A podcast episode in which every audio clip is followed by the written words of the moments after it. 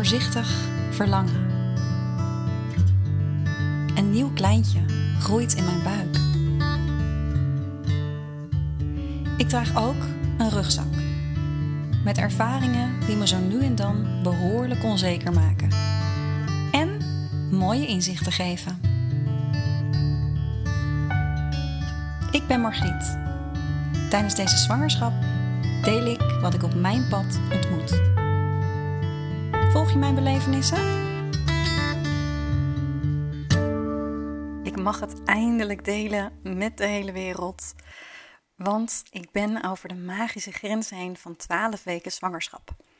En uh, vandaag ben ik nog net 13 weken zwanger. Dus ik praat je vandaag bij over mijn belevingen en inzichten van uh, week 12 en week 13 van, van de zwangerschap. En ook vooral hoe ik dat nu ervaar met mijn rugzakje. Ja, de vrolijke kaartjes op de piano, die, uh, daar kun je moeilijk meer omheen. Uh, zoveel lieve berichtjes en, en kaartjes weer gekregen. En het deed me ook heel erg denken aan toen ik zwanger was van Senna en dat ook de hele piano vol stond.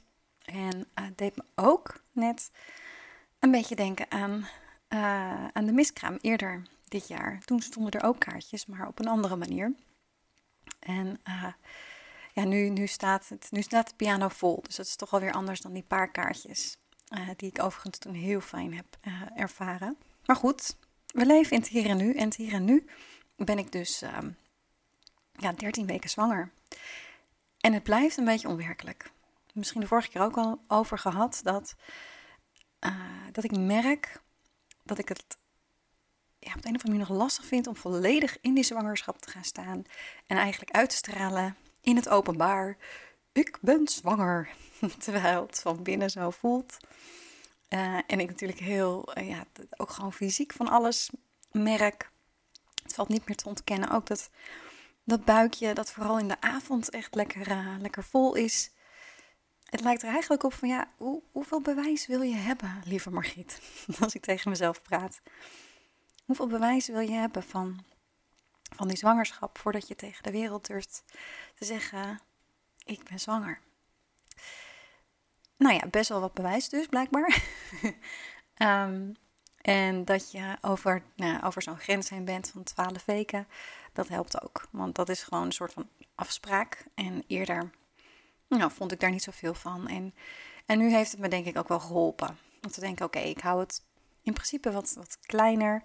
En daarna, uh, dan, dan ga ik het gewoon meer delen. Dus ja, dat, uh, nou, dat, dat, blijft denk ik iets dat mag groeien, net als ik in mijn, uh, in mijn buik. Wat, wat ook naar boven kwam deze week is, hoe deel ik het nieuws? Um, hoe deel ik het nieuws ook met vriendinnen of familieleden die um, ja, nu, net als ik ook, een, een verlies hebben gehad. Of zelfs nog steeds een gemis ervaren op het gebied van kinderen. En dat is iets waar ik echt de eerste zwangerschap van Senna helemaal niet mee bezig was. Um, ik wilde gewoon vooral delen. En dat heb ik denk ik ook heel liefdevol gedaan. En nu merkte ik dat ik veel bewuster was door mijn eigen uh, verdriet van mijn eigen ervaring. En ik heb ook letterlijk aan een vriendinnetje gevraagd die dicht bij me staat van ik wil het heel graag met je delen en ik wil ook graag heel veel meer met je delen over de zwangerschap. Maar hoe is dat voor jou? En je mag ook echt aangeven als je dat niet wil en uh, dat ik dat dan ook volledig begrijp. Zij reageerde heel lief en zegt: Ja, nee, ik wil het juist. Uh, ja, dat je, dat je veel blijft delen daarover. En ik ben echt heel erg blij voor je. En dat voelde heel oprecht. En ik was blij dat ik ja, de, de roze olifant, hè, dat wat je liever niet wil bespreken, uh, maar die wel duidelijk in de kamer staat, um, dat ik dat dan wel even benoemd heb. En uh, ja, ik denk dat dat juist ook weer voor een stukje extra verbinding uh, zorgt. In, in dit geval tussen mij en, en die vriendinnen.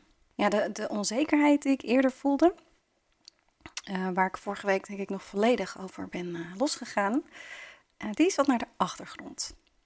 Um, de fysieke ervaring om zwanger te zijn, die heeft een stapje naar voren gemaakt. Dus het lijkt wel alsof die twee elkaar uh, ja, hebben afgewisseld. En uh, natuurlijk heb ik van tijd, nog, van tijd tot tijd nog steeds wel um, even zo'n onzekere gedachte. maar ik ben eigenlijk veel meer bezig met het hier en nu. En eh, ja, hoe het voelt, deze zwangerschap. En ik merkte dat ik eigenlijk vond dat ik niet mocht klagen. Want je wil dit kindje toch zo graag. En je wil deze zwangerschap toch zo graag. En je bent toch zo dankbaar. En daar kan ik alleen maar volmondig ja op roepen. En het is pittig. Uh, voor mij is het op dit moment pittig. Ik ben bijna de hele dag door uh, um, zwanger, wou ik willen zeggen. um, ik ben de hele dag door moe. En um, dat misselijke gevoel wat maar zo ja, blijft deinen in mijn systeem. Nou ja, eigenlijk bedacht ik me van ik, ik, dat ik blij en dankbaar ben, hoeft niet te betekenen dat ik me ook niet moe en vervelend mag voelen af en toe. Uh, dus ik sta mezelf dat nu meer toe om dat te voelen. Ik durf het ook meer uit te spreken. Letterlijk ook nu. Um, en dat, uh, ja, dat is wel iets wat me, me ruimte geeft, denk ik. Wat ik van de week ook had, ik liep naar boven op de trap en ik dacht, jeetje, ik voel me zo vol en een beetje benauwd. Ik merk het ook nu als ik praat. Ik merkte dat ik dat in het schuitje wilde zetten van vervelend. Een vervelende klacht. Maar ja, ik wilde eigenlijk geen klacht noemen, maar ja, het voelt als een klacht. En toen ineens dacht ik, maar wacht eens even. Ik stop er nu de stempel op van vervelend. Is dat wel zo? Dus ik ging eigenlijk meer even proberen te voelen van oké, hoe voelt het dan? Ja, het voelt vol. Het voelt alsof er iets uh, aan het groeien is, ruimte inneemt, waardoor ik inderdaad wat, uh, wat minder diep kan ademhalen en me gewoon ja, vol voel. Zal gerust ook iets te maken hebben met al het eten dat ik eet, maar goed, uh, dat eventjes terzijde. En toen dacht ik van, hé, hey, ja, het is ook mooi om me zo vol te voelen. Dat voelt anders dan die vermoeidheid en die misselijkheid. En ook dat mag je natuurlijk positief bestempelen. En ik denk dat daar ook een grote kracht in zit, sowieso. Zeg maar, hoe, welke stempel geef je aan de fysieke dingen die je ervaart, of uh, de gevoelens die je hebt, of de dingen die je meemaakt. Daar zit, daar zit echt de ja, magie van het leven, zou ik bijna willen zeggen. Van hoe je het ervaart, of, het fijn is of niet fijn is. Dus ik heb eigenlijk op dat moment besloten van, nou, dit gevoel vind ik wel fijn. Om me vol te voelen. En um, ja, letterlijk ook dus wat zwaarder en geaarder. Mijn lijf staat nu gewoon ook in het teken van het maken van een babytje. En dat is super magisch en, en super mooi. Dus ik merkte dat dat mij hielp. Um, om het um, niet per se negatief uh, te bestempelen, alles wat ik fysiek voel. Zijn ook dingen die, ja, die heel mooi zijn om uh, te kunnen voelen. Ik weet niet of je daar wat van gehoord hebt, um, maar het schijnt zo te zijn dat de energie van het kindje, um, het kindje in wording, jouw energie of jouw gedrag zelfs kan beïnvloeden. Ik las daarover van de week en toen dacht ik, wauw, ja, ik geloof het ergens wel, want ik heb een aura, ik heb een bepaalde manier van, een bepaalde uitstraling, bepaalde energie uh, die ik uitstraal. Maar dat kleintje, ja, die heeft misschien ook al een eigen auraatje. Of, nou, geen idee hoe dat precies zit. Maar ik vond het wel een, een, um, ja, een logisch verhaal op de een of andere manier. Dat het je kan beïnvloeden. En toen ging ik erover nadenken. En een beetje terugfilmen van mijn eigen gedrag. En ik dacht, verdomd. Er is wel degelijk iets in mijn gedrag aan het veranderen. En dat is met name dat ik um, sociaal makkelijker word. Um, ik ben niet een persoon die snel op iemand afstapt om een praatje te maken of uh, om contact te maken. Uh, het is wel zo dat ik mezelf probeer te trainen om steeds meer open te staan, om mensen te groeten, maar meer in het kader van als zij contact willen maken, dan, dan ben ik er voor ze. Maar ik zal niet zo snel zelf degene zijn die erop afstapt. Tenzij ik me dat voorneem, en dan, dan doe ik het ook gewoon. Maar dat is niet iets wat uh, van nature uh, ja, in mijn gedrag zit. En nu dus wel. ik betrap mezelf op eigenlijk de hele tijd contact te maken met mensen die ik tegenkom op straat. Of uh, laatst een hele leuke toiletjuffrouw in een winkel. En uh, dat ik Senna, mijn dochter, ook aanspoor om, uh, om datzelfde te doen. Dat, dat, heb ik, dat is de eerste keer dat ze mij dat hoort zeggen van... Goh, ga dan maar af, ga maar vragen. Of, wat zou je willen weten van deze mevrouw? En dat ik daar dus zelf ook aan meedoe van de week uh, waren we gaan, gaan winkelen, Sen en ik. En ik was spulletjes in de auto aan het zetten. En ik merkte dat de auto achter me um, dat, dat, er aandacht vandaan kwam. Dus ik keek en ik zag vier Italiaanse jongens, denk ik. Ik zag een Italiaans nummerbord kijken en een beetje lachen. En normaal gesproken draai ik dan weg en dan denk ik, nou ja, oké, het is leuk om een beetje aandacht te krijgen, maar wat moet ik ermee? En nu, voordat ik het wist, ging ik zwaaien. Een soort van, hallo, ik zie jullie ook wel hoor. En ik had de kofferbak dicht gedaan en toen dacht ik pas, hm, wat bizar, dat zou ik normaal gesproken nooit gedurfd hebben. Dus ja, dat zijn allemaal voorbeelden van uh, hoe mijn gedrag uh, veranderd wordt, of in ieder geval beïnvloed wordt. Ik ben heel benieuwd of je daar zelf ook in iets, uh, iets herkent, want dat is echt grappig als het je overkomt en als je het ook nog herkent. En het maakt me ook extra nieuwsgierig natuurlijk naar dat kleintje.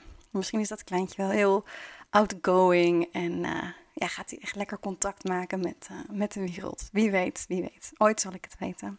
Ja, ooit zal ik het weten. Je hoort het al. Langzamerhand durf ik wat meer te dromen van dat kindje dat gaat komen.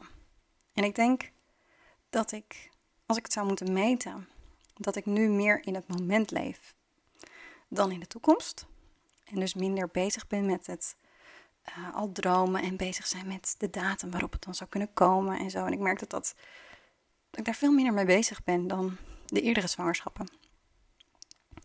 Uh, en toch uh, merk ik dus ook nu langzamerhand in, ja, in week 13 eigenlijk dat er iets gaat verschuiven. En dat ik ja, dat mijn vertrouwen denk ik wat meer begint te groeien ook. En ook omdat ja, ik zoveel gefeliciteerd word. Het wordt steeds meer in de buitenwereld ook duidelijk van je bent zwanger.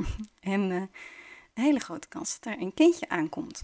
En uh, dat zorgde dus bijvoorbeeld voor dat ik van de week dacht, nou, misschien ga ik wel eventjes uh, neuzen voor een kinderkamer of daar wat, wat inspiratie voor opdoen.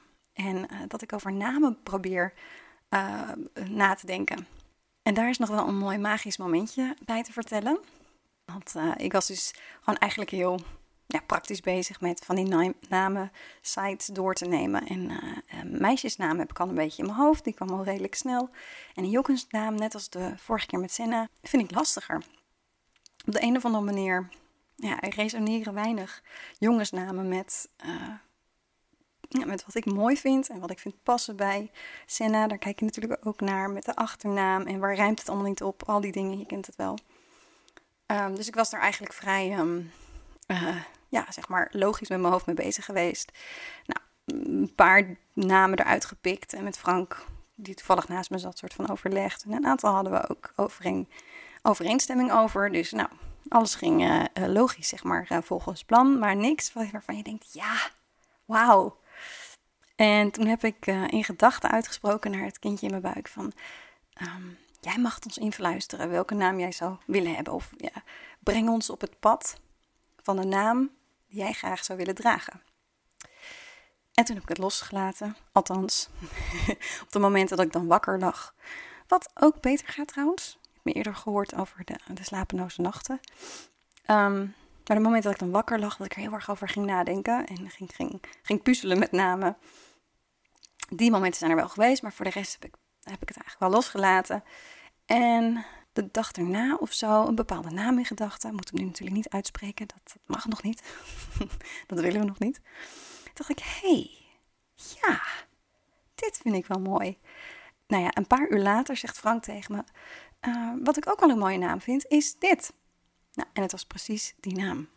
Nou, dat hebben we niet met veel namen gehad. We hebben wel samen ook een beetje zitten puzzelen, maar we hebben eigenlijk nog niet een moment gehad dat we allebei met dezelfde naam kwamen. Het is ook niet een veel voorkomende naam, dus wat dat betreft gewoon heel magisch. En toen vroeg ik ook aan Frank van, hoe kwam, hoe kwam je op deze naam? Ik zei, ja, tijdens het douchen kwam het, kwam het naar me.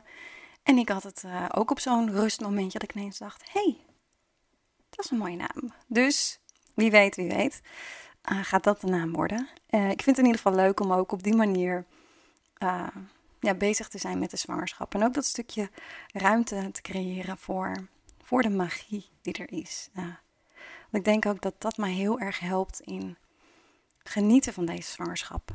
Wat ik zo belangrijk vind. Um, want het is een nieuw kindje wat onderweg is. En er mag van genoten worden. Nou, ik ben ook heel erg benieuwd hoe het met jou gaat. Um, en wat je allemaal voelt en meemaakt. Um, als je net als ik zwanger bent of als je niet zwanger bent. Mijn ervaring is dat het heel erg helpt om te delen wat, je, ja, wat op je pad verschijnt, hoe je daarmee omgaat, uh, wat je daarin nodig hebt. Uh, weet dat je dat ook met mij mag delen. Um, heel graag zelfs. Ik geloof dat we elkaar alleen maar wijzer kunnen maken en elkaar, ja, er voor elkaar kunnen zijn. Nou, vanuit mijn woonkamer wens ik je een hele fijne, uh, mooie week toe. En hoop ik dat je ook de volgende keer weer, weer gaat luisteren. Heel graag tot dan en veel liefs. Hopelijk heb je genoten van deze aflevering van Voorzichtig Verlangen en heeft het je iets gebracht. Wanneer dat zo is, dan maak je me heel blij met een positieve beoordeling. Misschien ken jij iemand die nu zwanger is en ook onzekerheid ervaart. Dan is deze podcast voor haar en mag je hem zeker delen.